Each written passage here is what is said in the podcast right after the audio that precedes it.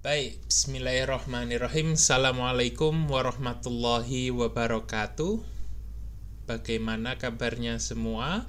Semoga di minggu kedua kuliah online psikologi komunitas ini Anda dalam kondisi yang sehat-sehat saja, keluarga dalam kondisi yang baik.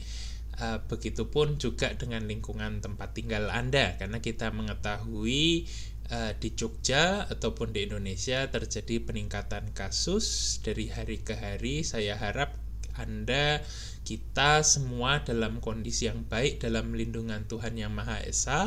Semoga kita dapat segera kembali beraktivitas bagaimana uh, sedianya kala dulu uh, dalam kondisi yang baik-baik saja semua. Amin. Nah, teman-teman uh, semua saya harap uh, di minggu kedua ini kalian semua tetap menjaga diri, tetap kemudian melakukan social distancing, tidak keluar rumah kecuali ada urusan-urusan yang sangat mendesak karena uh, dari laporan IG story ataupun WA story kalian uh, beberapa saya lihat masih sering keluyuran. Nah, ini kalau bisa dikurangi uh, karena apa? Ya karena bukan karena kemudian kita uh, takut atau apa tapi kita ingin mencegah dan karena kita mencegah uh, kita bisa melindungi orang lain juga. Nah ini yang kemudian seharusnya menjadi motivasi kita kenapa kita melakukan social distancing. Membosankan sangat. Saya saya men, uh, apa namanya seminggu ini berusaha untuk tidak keluar rumah. Saya keluar rumah hanya dua kali. Yang pertama saya belanja karena apa e, makanan pokok makanan di rumah sudah habis saya harus belanja. Yang kedua e, saya harus piket di jurusan. Nah itu saya keluarnya hanya dua kali dalam seminggu.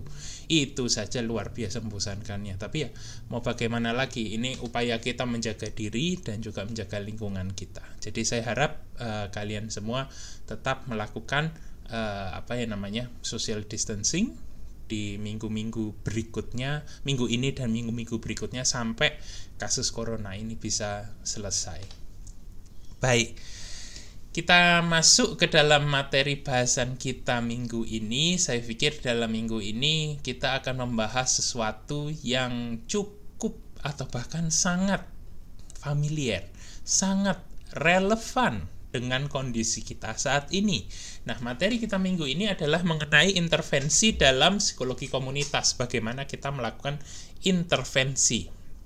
Nah, kemarin kita sudah belajar bagaimana cara mengakses atau melakukan asesmen komunitas, serta kemudian dari hasil asesmen itu apa-apa saja yang perlu kita perhatikan, apa-apa yang perlu kita pertimbangkan seperti diversity, ada yang namanya faktor individual, faktor komunitas. Nah, ini semua itu harus kita pertimbangkan di dalam mengakses, memahami sebuah komunitas. Setelah kita paham tentang masalah ataupun komunitasnya, barulah di situ kemudian kita lakukan sesuatu. Kita rancang sesuatu untuk kita berikan, kita lakukan pada kelompok atau komunitas yang kita akses tersebut.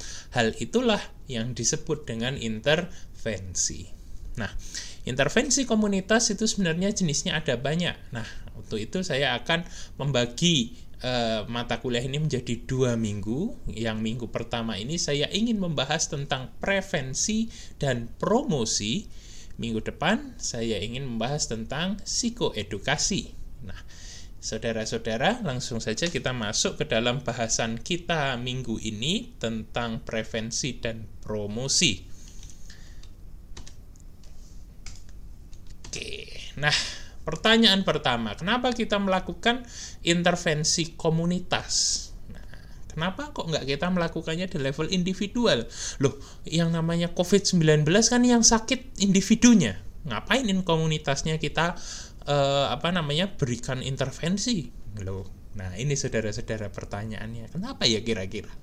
Nah dengan uh, narasi dengan frame covid ini saya pikir anda sudah bisa menebak kenapa kita harus memberikan intervensi kepada komunitasnya. Karena ada yang disebut dengan hubungan resi prokal hubungan antara komunitas dengan individunya ketika individu berubah, komunitasnya berubah. Ketika komunitas turut berubah, individu pun juga turut berubah.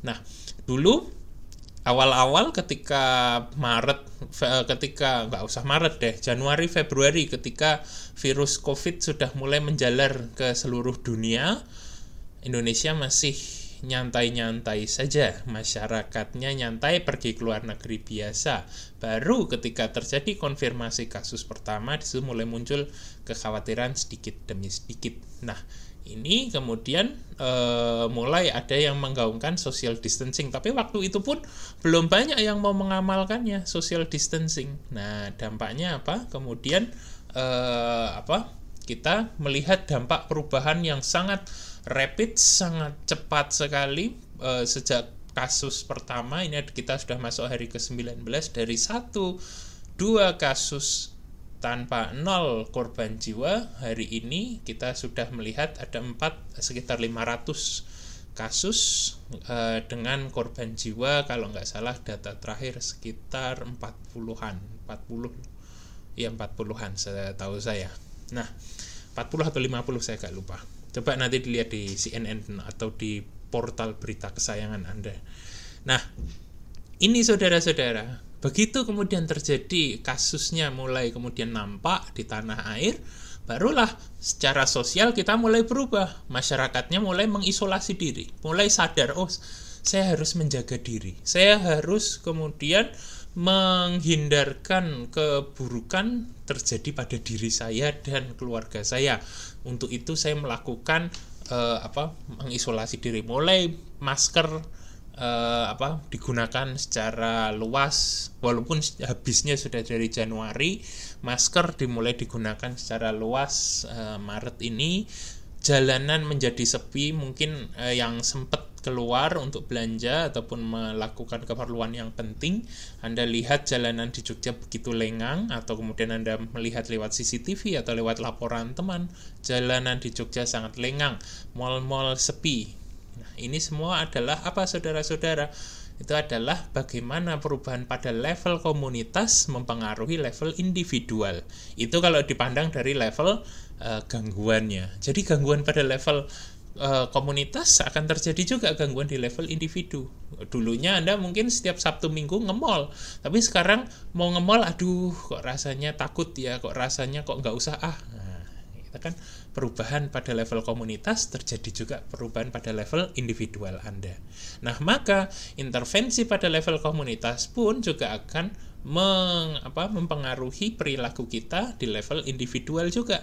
Secara tidak langsung ketika kita mengintervensi komunitas, kita juga mengintervensi individualnya. Nah, eh, intervensi komunitas itu apabila kita melakukan intervensi komunitas itu caranya bagaimana? Caranya adalah kita menciptakan setting alternatif. Kalau kita bicara intervensi individual, maka kita menyelesaikan permasalahan di level individual. Akan tetapi jika kita ingin kemudian melakukan intervensi di level komunitas, maka yang harus kita lakukan adalah melakukan atau menciptakan sebuah setting alternatif. Bagaimana kemudian kita menciptakan setting yang ah ya istilahnya setting yang berbeda dari kondisi sebelumnya. Jadi kita ciptakan kondisi yang sedikit berbeda dari kondisi sebelumnya. Kita lihat dalam kasusnya sekarang uh, orang bekerja, orang sekolah, Anda kuliah, tapi settingnya sedikit berbeda kalau dulu kita kerja, kita kuliah, kita kumpul di satu tempat di uh, kampus, di universitas, sekarang kita kuliah, uh, Anda belajar, saya mengajar ada di rumah masing-masing. Nah, ini saudara-saudara adalah bentuk intervensi komunitas menciptakan setting alternatif secara secara garis besar, secara garis besar keseharian tidak berubah banyak. Kita tetap kuliah, tetap mengerjakan tugas, ada kuis dan lain sebagainya, tetapi kita dalam setting yang berbeda. Nah, ini perbedaannya saudara-saudara. Jadi uh, inilah bagaimana kita melakukan intervensi komunitas, yaitu dengan melakukan menciptakan setting alternatif, bukan dengan mengubah drastis, melakukan perubahan drastis, melakukan perubahan yang fundamental, tidak, tetapi kita hanya menciptakan perubahan-perubahan kecil sehingga kita bisa menciptakan setting alternatif. Oke. Nah, bagaimana kita menciptakan setting alternatif tersebut? Nah, cara pertama yang bisa kita lakukan adalah kita melakukan sebuah tindakan yang disebut dengan tindakan prevensi. Nah, mungkin Anda sudah familiar dengan kata prevensi, ini sering sekali diulang-ulang, baik dalam iklan, edukasi, maupun bahasan-bahasan. Prevensi adalah program pencegahan berasal dari kata Latin preventionis yang berarti mengantisipasi atau sebelum sesuatu itu muncul. Jadi prevensi adalah program yang dilakukan untuk mengantisipasi sebelum terjadinya sebuah kasus atau permasalahan. Nah, Uh, kalau kita breakdown, ada menurut Kaplan tahun 1964 ada beberapa jenis prevensi yang bisa kita lakukan. Yang pertama adalah primary prevention. Primary prevention ini diberikan kepada mereka yang tidak sedang dalam but kondisi butuh atau di bawah tekanan masalah.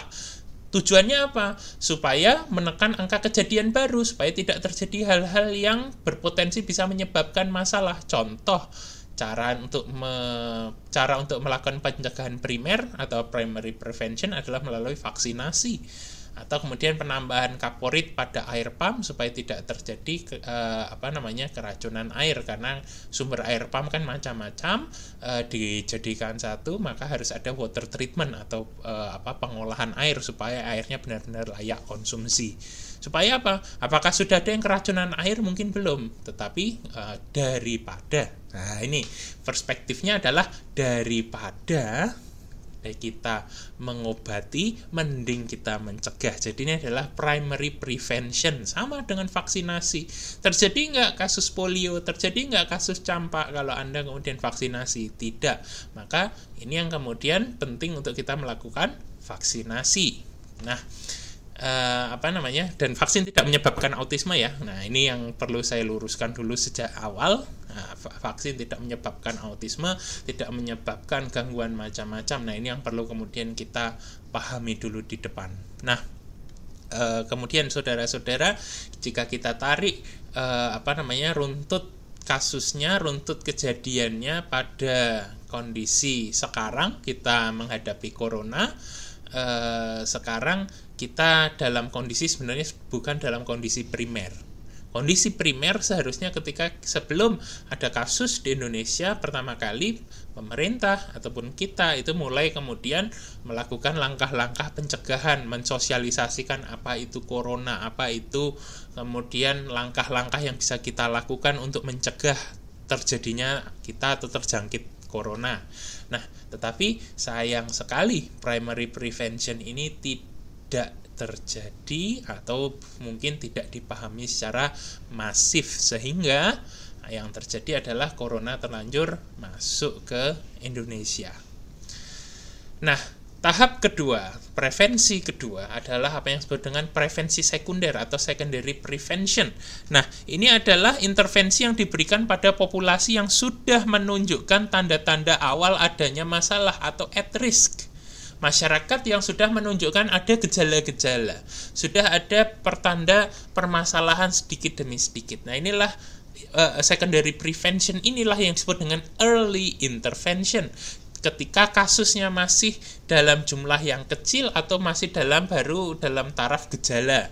Mulai banyak orang yang merasa demam, mulai banyak orang yang merasa uh, tidak enak badan atau kemudian flu. Nah, ini kemudian uh, apa namanya masyarakat sudah mulai aware.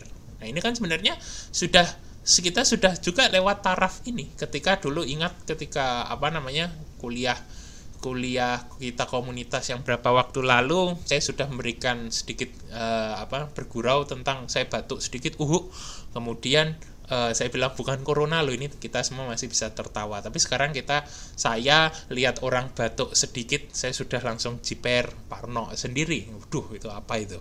Apalagi dia nggak pakai masker saya langsung mundur lima langkah. Nah ini saudara-saudara ini adalah kita sebenarnya juga miss untuk tahap yang early intervention ini. Social distancing seharusnya begitu kasus itu terkonfirmasi ada dua saja terkonfirmasi kita harus langsung melakukan langkah-langkah uh, early intervention ini seharusnya. Nah, dengan uh, apa namanya misalnya social distancing, tapi social distancing itu baru diterapkan akhir-akhir ini bahkan masih banyak kantor yang juga mengharuskan karyawannya berangkat. Ya mungkin sehari nggak nggak seminggu penuh seminggu lima kali atau enam kali kerja mungkin dipotong separuh tetapi apa pun itu mereka tetap harus ngantor. Nah ini saya sudah mendengar suara hujan uh, saya pause sebentar saya mau ngurusin jemuran dulu. Baik kembali lagi sudah selesai saya ngurusin jemuran. Hujannya mungkin terdengar dari mikrofon uh, rintik-rintik mulai agak deras. Nah uh, saudara-saudara saya lanjutkan. Jadi uh, secondary prevention ini adalah kondisi di mana sebenarnya sudah masyarakat menunjukkan gejala awal, tetapi di situlah seharusnya kemudian kita mulai memberikan intervensi. Hanya saja ini tidak terjadi juga.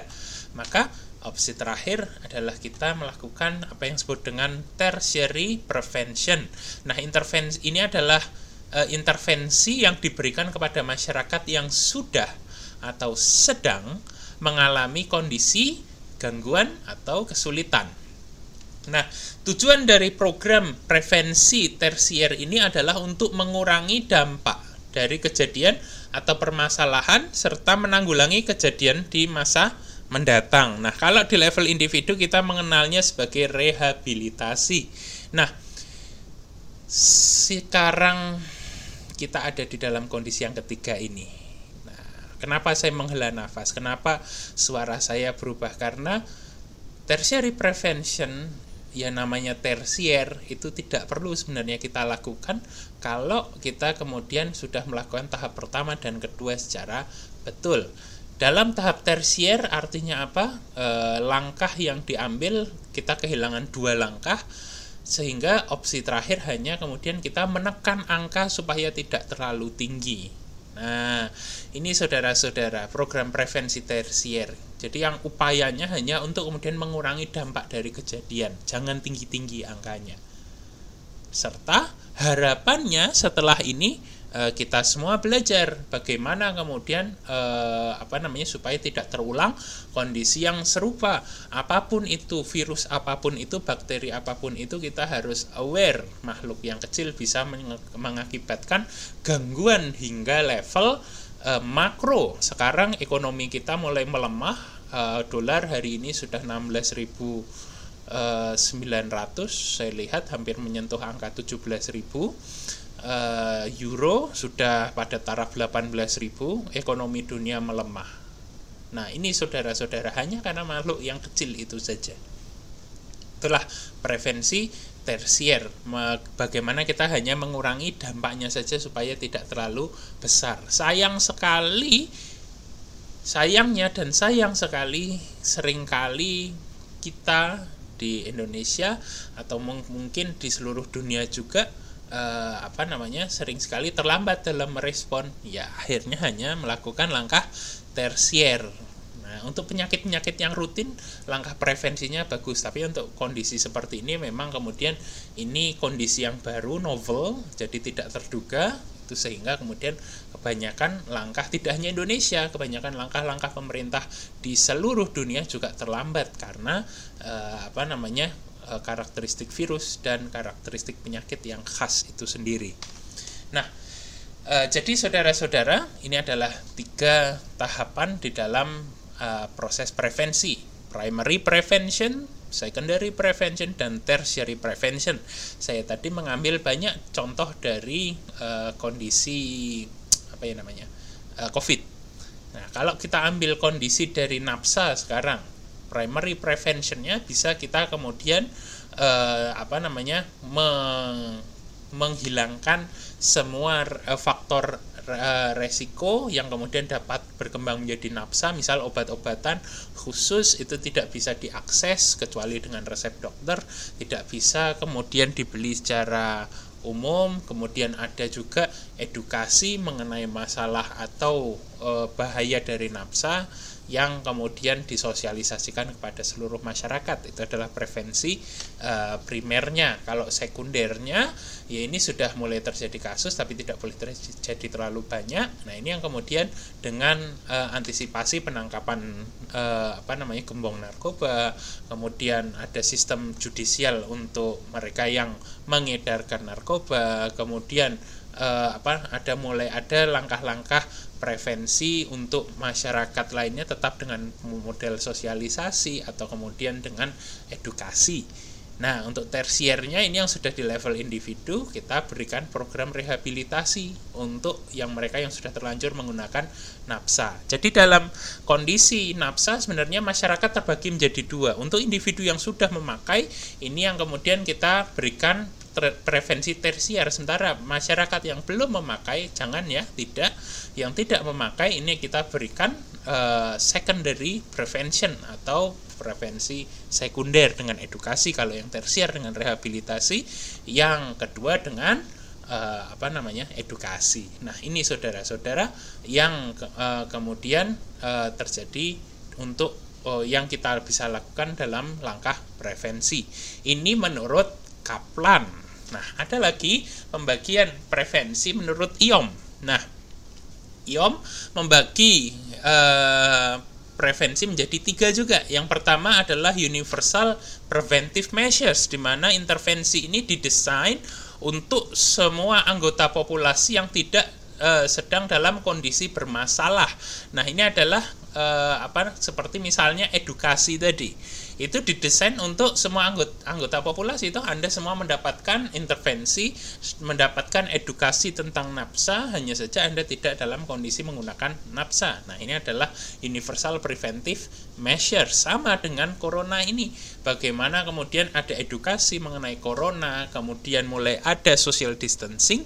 Nah, ini adalah universal preventive measures di mana ini didesain untuk seluruh anggota populasi yang tidak sedang dalam kondisi bermasalah. Nah, berikutnya adalah selective preventive measures. Intervensi ini didesain untuk individu dengan resiko di atas rata-rata untuk mengembangkan permasalahan atau perilaku emosional permasalahan perilaku atau emosional.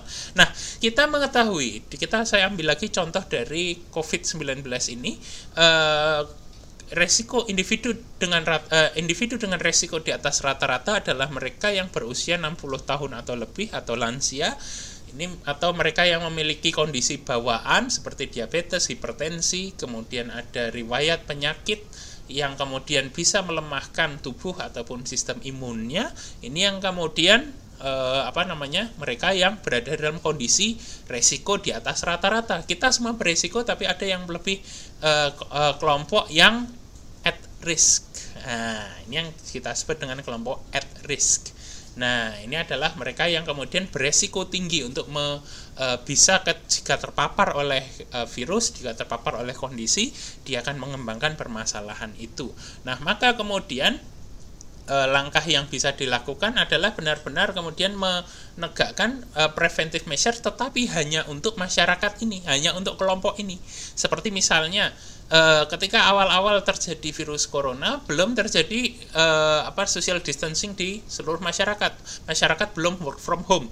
Tapi mereka yang dalam kondisi resiko di atas rata-rata, misal penghuni panti jompo, kalau di Amerika ini sudah di, e, mulai dilakukan panti-panti jompo kemudian mulai membatasi akses. Kenapa? Ya karena mereka adalah orang dengan e, resiko yang di atas rata-rata. Nah, yang ketiga adalah indicated preventive measures. Nah, indicated preventive measures adalah intervensi yang dilakukan pada individu spesifik yang masuk dalam kriteria resiko tinggi untuk mengembangkan perilaku masalah. Biasanya adalah ditujukan pada orang yang sudah jelas-jelas menunjukkan simptom atau gejala awal tetapi belum dapat didiagnosis. Nah, inilah yang kita ketahui dengan sistem PDP dan ODP pasien dalam pengawasan dan orang dalam pengawasan. Begitu Anda masuk di dalam kriteria ODP atau orang orang dalam pengawasan ketika Anda meng, uh, memiliki kontak dengan berkontak dengan uh, pasien yang terkonfirm atau suspek COVID, Anda akan menjadi ODP. Nah, kemudian Anda harus uh, mengkarantina, mengisolasi diri selama 14 hari. Nah, ini saudara-saudara adalah apa yang disebut dengan indicated preventive measures. Nah, ini karena apa? Karena Anda sudah ber, ber apa? berinteraksi dengan orang yang terpapar COVID. Maka kemudian mau tidak mau kita akan berikan uh, indicated preventive measure hanya untuk Anda nah, hanya untuk diri Anda sendiri, tidak untuk tetangga, tidak untuk orang-orang di sekitar Anda, hanya untuk orang yang uh, diri Anda atau orang yang barusan berkontak dengan Anda. Nah, ini saudara-saudara adalah apa yang disebut dengan indicated preventive measures. Nah, kalau tadi menurut eh, apa? Menurut Kaplan dia membagi eh, apa namanya? Pre prevensi berdasarkan tingkat eh, apa ya incidence atau kejadiannya. Kalau uh, apa namanya primary belum ada kejadian, secondary kejadian terbatas, tertiary sudah kena kejadiannya. Nah, kalau e, menurut IOM ini yang dibagi berdasarkan siapa orang yang mendapatkan e, program prevensi tersebut. Nah, jadi saudara-saudara, ini adalah semua langkah yang sedang kita upayakan, kita coba untuk kemudian mengatasi situasi COVID-19 ini. Nah, dalam kita melakukan program prevensi apa saja yang perlu kemudian kita e, perhatikan yang pertama dan paling utama adalah apa yang disebut dengan risk factor. Apa itu risk factor? Risk factor adalah faktor resiko kalau diterjemahkan. Faktor resiko adalah sesuatu yang ada pada diri kita, sesuatu yang kita miliki yang bisa menjadikan kita terpapar, beresiko terpapar eh, apa namanya sebuah kondisi gangguan. Nah, risk faktor ini saudara-saudara adalah e, contohnya tadi usia. Ah, usia orang yang berusia di atas 60 tahun ini punya resiko yang tinggi untuk terpapar COVID. Kemudian orang-orang dengan e, apa namanya kondisi bawaan seperti penyakit hipertensi, diabetes dan lain sebagainya. Nah, ini semua adalah sebut dengan risk factor. Nah, ini adalah hal-hal yang perlu kita identifikasi. Kenapa? Ya tadi Nah, untuk kita bisa me memberikan prevensi. Nah, kita bisa tahu prevensi jenis mana yang bisa harus kita berikan. Kalau kita sudah tahu mereka adalah orang yang memiliki resiko tinggi, maka kemudian kita harus memberikan atau kemudian melakukan langkah tadi eh, apa namanya selektif preventive measures. Selain kita mengidentifikasi risk factor, kita juga perlu mengidentifikasi protective factor atau faktor protektif. Nah, jadi saudara-saudara, tidak hanya yang kita identifikasi adalah resikonya, tapi juga protek faktor proteksinya. Manut nggak dia kalau mau diatur? Kalau nggak manut, ya gimana gitu loh. Nah, ini kan menjadi faktor uh, pro, kalau manut itu bisa jadi faktor protektif, ngeyel bisa jadi faktor resiko. Nah, faktor protektif yang lainnya misalnya juga uh, keter, uh, tingkat edukasi, ketersediaan, kemudian fasilitas atau layanan kesehatan di sekitarnya. Ready nggak kira-kira rumah sakit yang di sekitarnya dia itu semua adalah faktor protektif dalam masalah COVID ini. Nah, saya ambil lagi contoh resik uh, apa namanya, misalnya yang sering me, sering kemudian terjadi di level mahasiswa akhir-akhir ini banyak yang kemudian terdiagnosa e, mengalami depresi. Nah, depresi ini ada faktor resiko dan faktor protektifnya. Keduanya harus kemudian kita identifikasi dalam proses intervensi juga. Nah, seperti misalnya faktor resikonya dia uh, keluarganya bagaimana suportif atau tidak suportif. Kalau suportif dia jadi faktor protektif tidak suportif jadi faktor resiko. Temannya bagaimana ada atau tidak? Kalau ada jadi faktor protektif tidak ada jadi faktor resiko. Kualitas relasinya bagaimana dengan temannya baik atau tidak baik? Nah ini semua adalah hal-hal yang perlu kita identifikasi. Itu contohnya dalam kondisi yang lain. Oke. Jadi ketika kita merancang sebuah intervensi kita juga harus kemudian mengidentifikasi faktor resiko dan faktor protektif keduanya. Nah, eh, apa yang namanya paradigma yang banyak kita gunakan di dalam eh, apa namanya melakukan program prevensi ini adalah promotion of wellness and competence. Kenapa kita melakukan uh, prevensi? Kita mencegah terjadinya gangguan, masalah, penyakit karena kita ingin mempromosikan, meningkatkan kesejahteraan dan kondisi kompetensi dan kompetensi eh, orang-orang uh, banyak. Nah, ini saudara-saudara. Nah, prinsip-prinsipnya untuk uh, program prevensi dan promosi ini harus kita punya prinsip juga. Jadi tidak sembarangan kita melakukan program prevensi dan promosi. Ini uh, apa namanya? Yang pertama harus theory driven atau evidence based. Harus ada alasannya kenapa kok kita di diperintahkan, disarankan, dihimbau untuk melakukan social distancing. Karena dari hasil-hasil penelitian menunjukkan bahwa ketika kita melakukan minimalisasi exposure terhadap orang lain, maka insidence COVID akan menurun. Nah, ini jadi yang pertama. Ada buktinya kita dalam melakukan program prevensi dan promosi.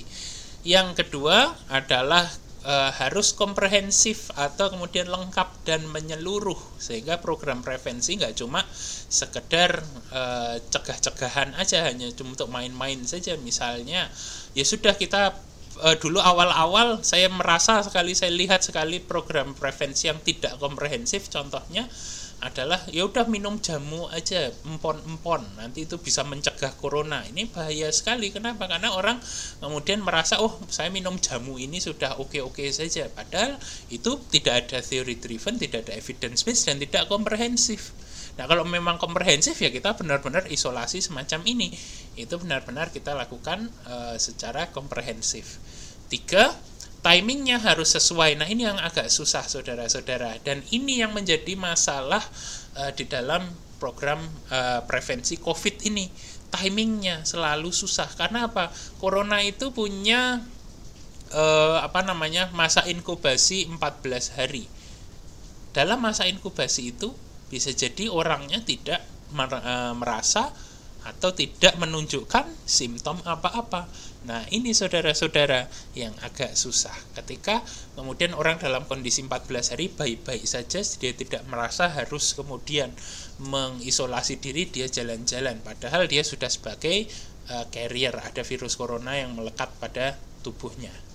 Nah ini saudara-saudara timingnya kadang nggak sesuai. Nah ini yang kemudian eh, kadang kita juga menyikapinya tidak dengan arif bahkan hingga level Menteri Kesehatan yang eh, eh, kalau dalam kesannya sedikit eh, bukan sedikit ya menyepelekan virus corona ini. Nah ini yang saya sayangkan sekali eh, timingnya jadi nggak sesuai juga eh, dari Menkesnya tidak tanggap kemudian dari masyarakatnya juga menjadi tidak aware. Nah, ini saudara-saudara, eh, kita lihat kondisi yang sekarang. Nah, yang keempat adalah relevan eh, secara sosial budaya. Nah, ini tantangan untuk kemudian menyesuaikan dengan faktor masyarakat kita. Kita mendengar berita di Solo ada sebuah kampung yang diisolasi satu kampung karena Eh, satu masyarakatnya yang terindikasi corona sudah PDP kasusnya uh, positif corona dalam pengawasan dia kemudian malah bantu atau rewang-rewang di dalam uh, apa namanya acara hajatan tetangganya. Kenapa kira-kira dia dalam kondisi yang nggak sehat tapi ikut bantu-bantu? Ya faktor budaya itu tadi di mana kalau ada di dalam budaya kita ada masyarakat hajatan ya harus dibantu. Kalau kamu nggak dibantu ya jangan harap saya akan datang ke hajatan anda besok. Nah itu kan masalah sosial budaya sekali. Nah, maka bagaimana kemudian kita merancang program prevensi yang bisa mengakomodasi tipe tipikal masyarakat kita? Nah, ada yang dulu ada yang menyarankan udah e, langsung libatkan polisi dan militer langsung ber, e, apa namanya langsung kemudian kita e, bentuk satgas khusus yang akan patroli uh, apa namanya menindak masyarakat yang tidak tertib. Nah, tetapi nah ini kan banyak pertimbangan juga apakah sesuai, apakah bagaimana respon masyarakat nanti kalau ada polisi dan tentara. Nah, ini saudara-saudara. Kenapa kemudian kita masih tarik ulur antara lockdown atau tidak lockdown? Karena yaitu tadi pertimbangan faktor yang keempat ini, relevansi secara sosial budaya. Nah, prevensi dan promosi prinsip berikutnya harus itu didasarkan pada skill dan perilaku. Harus ada uh, orang yang melakukan prevensi promosi harus punya skillnya dan ada uh, bisa applicable dalam bentuk perilaku, tidak hanya dalam level konsep saja.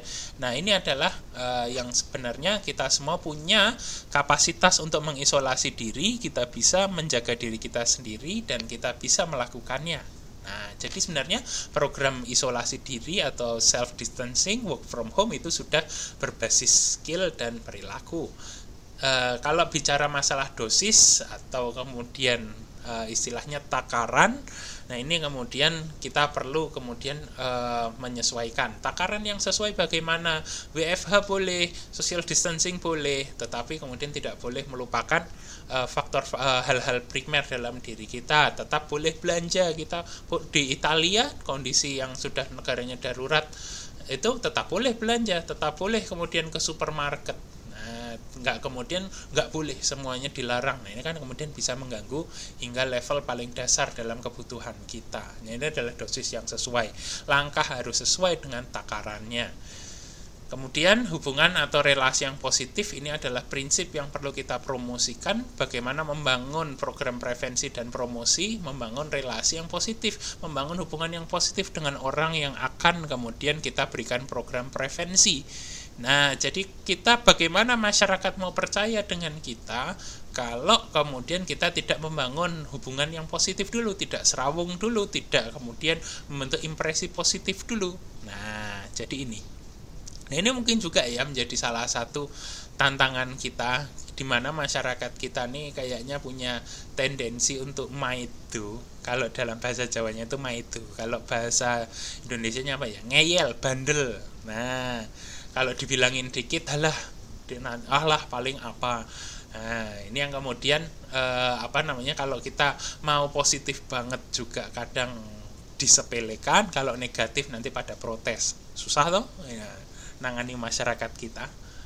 Oke nah berikutnya adalah eh, melakukan program prevensi dengan eh, tingkat second order. Jadi perubahan perilaku. Diharapkan tidak hanya kemudian mengubah perilaku primernya saja seperti misalnya kita cuma mengurung diri saja tetapi kita tetap misalnya ada orang diterima, ada tamu diterima, ada ini di apa namanya undangan tetap di uh, jalankan. Nah, ini kan kemudian harapannya perubahan perilaku juga merambah ke perilaku yang lainnya seperti kita juga lebih menjaga diri, sering cuci tangan, sering kemudian setelah keluar langsung ganti baju, mandi, melakukan disinfect menyemprotkan disinfektan. Anda bikin disinfektan sendiri bisa ya.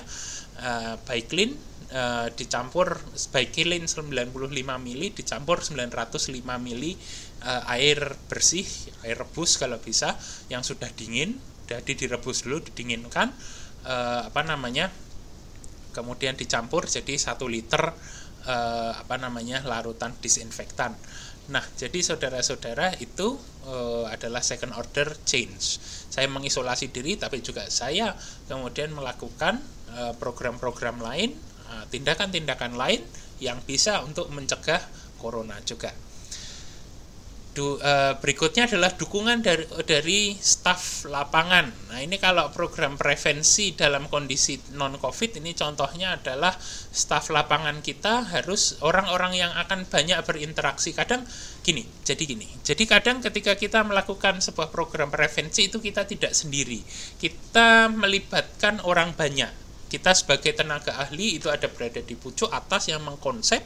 Nah, mereka yang kemudian berada di lapangan itu adalah mereka yang kemudian nanti akan berinteraksi secara uh, aktif, berinteraksi secara kontinu dengan masyarakat. Mereka lah yang akan kemudian memberikan edukasi, melakukan program-programnya. Nah, maka uh, harmonis, hubungan yang harmonis antara orang yang mengkonsep dengan kondisi lapangan dan staf lapangan menjadi menjadi penting. Nah, dukungan staf lapangan dalam kondisi corona ini adalah uh, seperti yang kita tahu tenaga kesehatan itu adalah garda depan kita. Mereka harus kemudian dalam kondisi yang suportif. Nah, kita tahu di Indonesia mulai kekurangan uh, eh, APD alat pelindung diri, kemudian ada uh, apa namanya uh, apa ya kebutuhan-kebutuhan untuk untuk medis yang lainnya seperti hand sanitizer jangan dikira mereka nggak butuh uh, hand sanitizer kemudian masker itu dalam kondisi yang kekurangan. Sehingga kemudian dukungan pada staf lapangan ini kalau ini menjadi tidak ada hilang staf lapangannya menjadi ya hilang juga. Ya tidak ada orang yang mau praktek meresik, uh, meresikokan dirinya uh, tanpa pengamanan yang cukup Nah, ini perlu kita berikan penghargaan, apresiasi, lakukan apa yang bisa kita lakukan untuk tenaga kesehatan kita. Kita dukung mereka. Nah, terakhir prinsipnya untuk uh, program prevensi dan promosi itu harus ada evaluasi secara berkelanjutan. Seperti misalnya ini di program mat kuliah online ini. Dulu awalnya 30 April tapi eh, apa namanya sebenarnya di, di tengah-tengah Pak Rektor dan pimpinan universitas itu sebenarnya akan mengevaluasi programnya. Apakah tepat? Apakah kemudian masih perlu kita lanjutkan eh, program kuliah online ini? Nah ini yang saudara-saudara sebenarnya masih akan didiskusikan tapi ya ini perlu kita amati dengan kondisi-kondisi peningkatan serta uh, update-update menjelang nanti sekitar tanggal 30 Maret 31 Maret nanti. Kita lihatlah bagaimana keputusannya. Kalau di beberapa universitas sudah diputuskan untuk memperpanjang satu universitas saya lupa. Uh, bukan UGM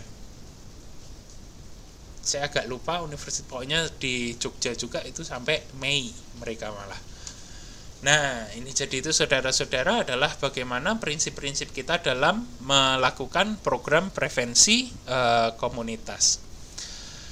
Nah, tiga hal yang perlu kita perhatikan, tiga hal yang perlu kemudian kita pertimbangkan dalam kita merancang sebuah program prevensi dan promosi. Yang pertama harus tepat sasaran, harus kemudian sesuai orang yang kemudian mendapatkan uh, istilahnya mendapatkan program prevensi ini harus memang benar-benar sesuai.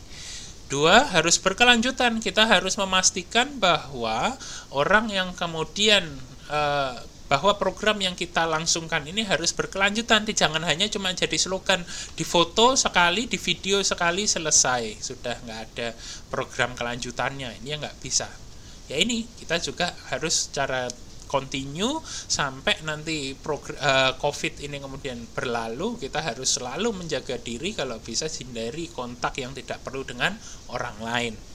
Tiga, harus kita memperhatikan efisiensi dan efektivitas secara biaya juga. Nah, ini saudara-saudara yang yang sekarang menjadi masih menjadi tarik ulur uh, antara lockdown atau tidak lockdown. Karena uh, Indonesia itu luas uh, kebutuhannya luar biasa masyarakatnya. Kalau kita benar-benar lockdown implikasi ekonomi implikasi lain implikasi secara sosial ini juga perlu kita perhatikan juga.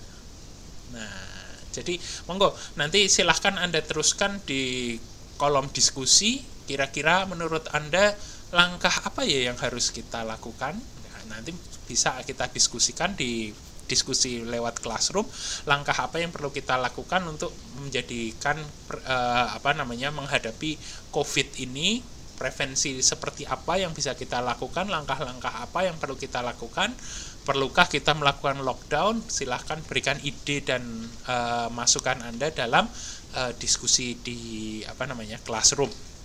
Nah jadi kalau saya sarikan dalam program prevensi dan promosi itu ada dua uh, perspektif. Yang pertama perspektifnya Kaplan, di mana kemudian kita bisa memberikan program prevensi primer.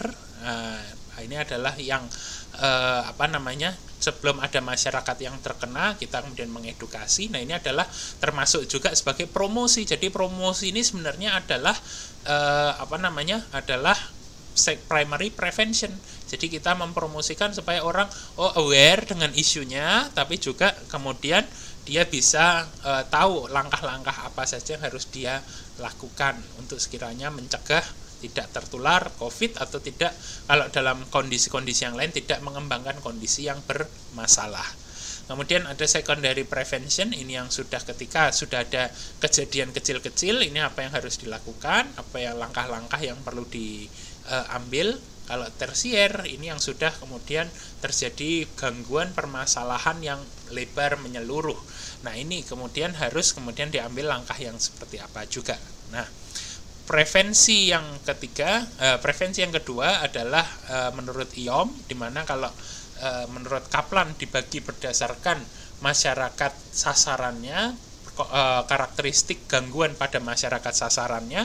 Kalau IOM ini akan ter, tergantung pada level masyarakatnya. Kalau ada tiga juga universal preventive measures ini untuk apa namanya diberikan pada seluruh masyarakat.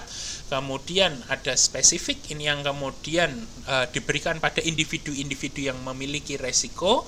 Kemudian ada te, uh, apa indicated preventive measure di mana ini diberikan kepada orang yang sudah terindikasi sudah jelas-jelas mengalami permasalahan Nah, dalam melakukan prevensi dan promosi ini, saudara-saudara, jadi kalau sorry, saya potong, uh, sorry, dalam uh, apa namanya, jadi promosi kalau dalam perspektifnya Kaplan ini adalah uh, apa primary preventive measures, kalau dalam perspektifnya IOM itulah universal preventive measures.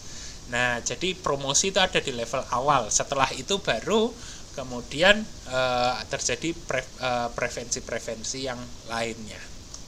Jadi begitu saudara-saudara, inilah apa yang saya, saya sampaikan hari ini. Semoga uh, ini bisa memberi perspektif bagi kita terkait dengan kondisi uh, apa kita akhir-akhir ini. Saya harap Anda selalu menjaga diri, selalu dalam kondisi yang sehat, kurangi betul-betul kurangi keluar yang tidak perlu. Kalau memang tidak perlu stay at home atau uh, lakukan secara online. Itu saja yang bisa saya sampaikan hari ini. Silahkan kita lanjutkan diskusi kalau anda anda memiliki tanggapan pertanyaan di uh, forum uh, classroom. Jadi anda bisa bertanya di apa forum classroom pertemuan ke 9 ini Oke, jadi itu yang bisa saya sampaikan hari ini. Terima kasih banyak atas atensi dan perhatiannya. Sehat-sehat selalu, semoga selalu dalam lindungan Tuhan yang Maha Esa. Bilahi taufik wal hidayah. Assalamualaikum warahmatullahi wabarakatuh.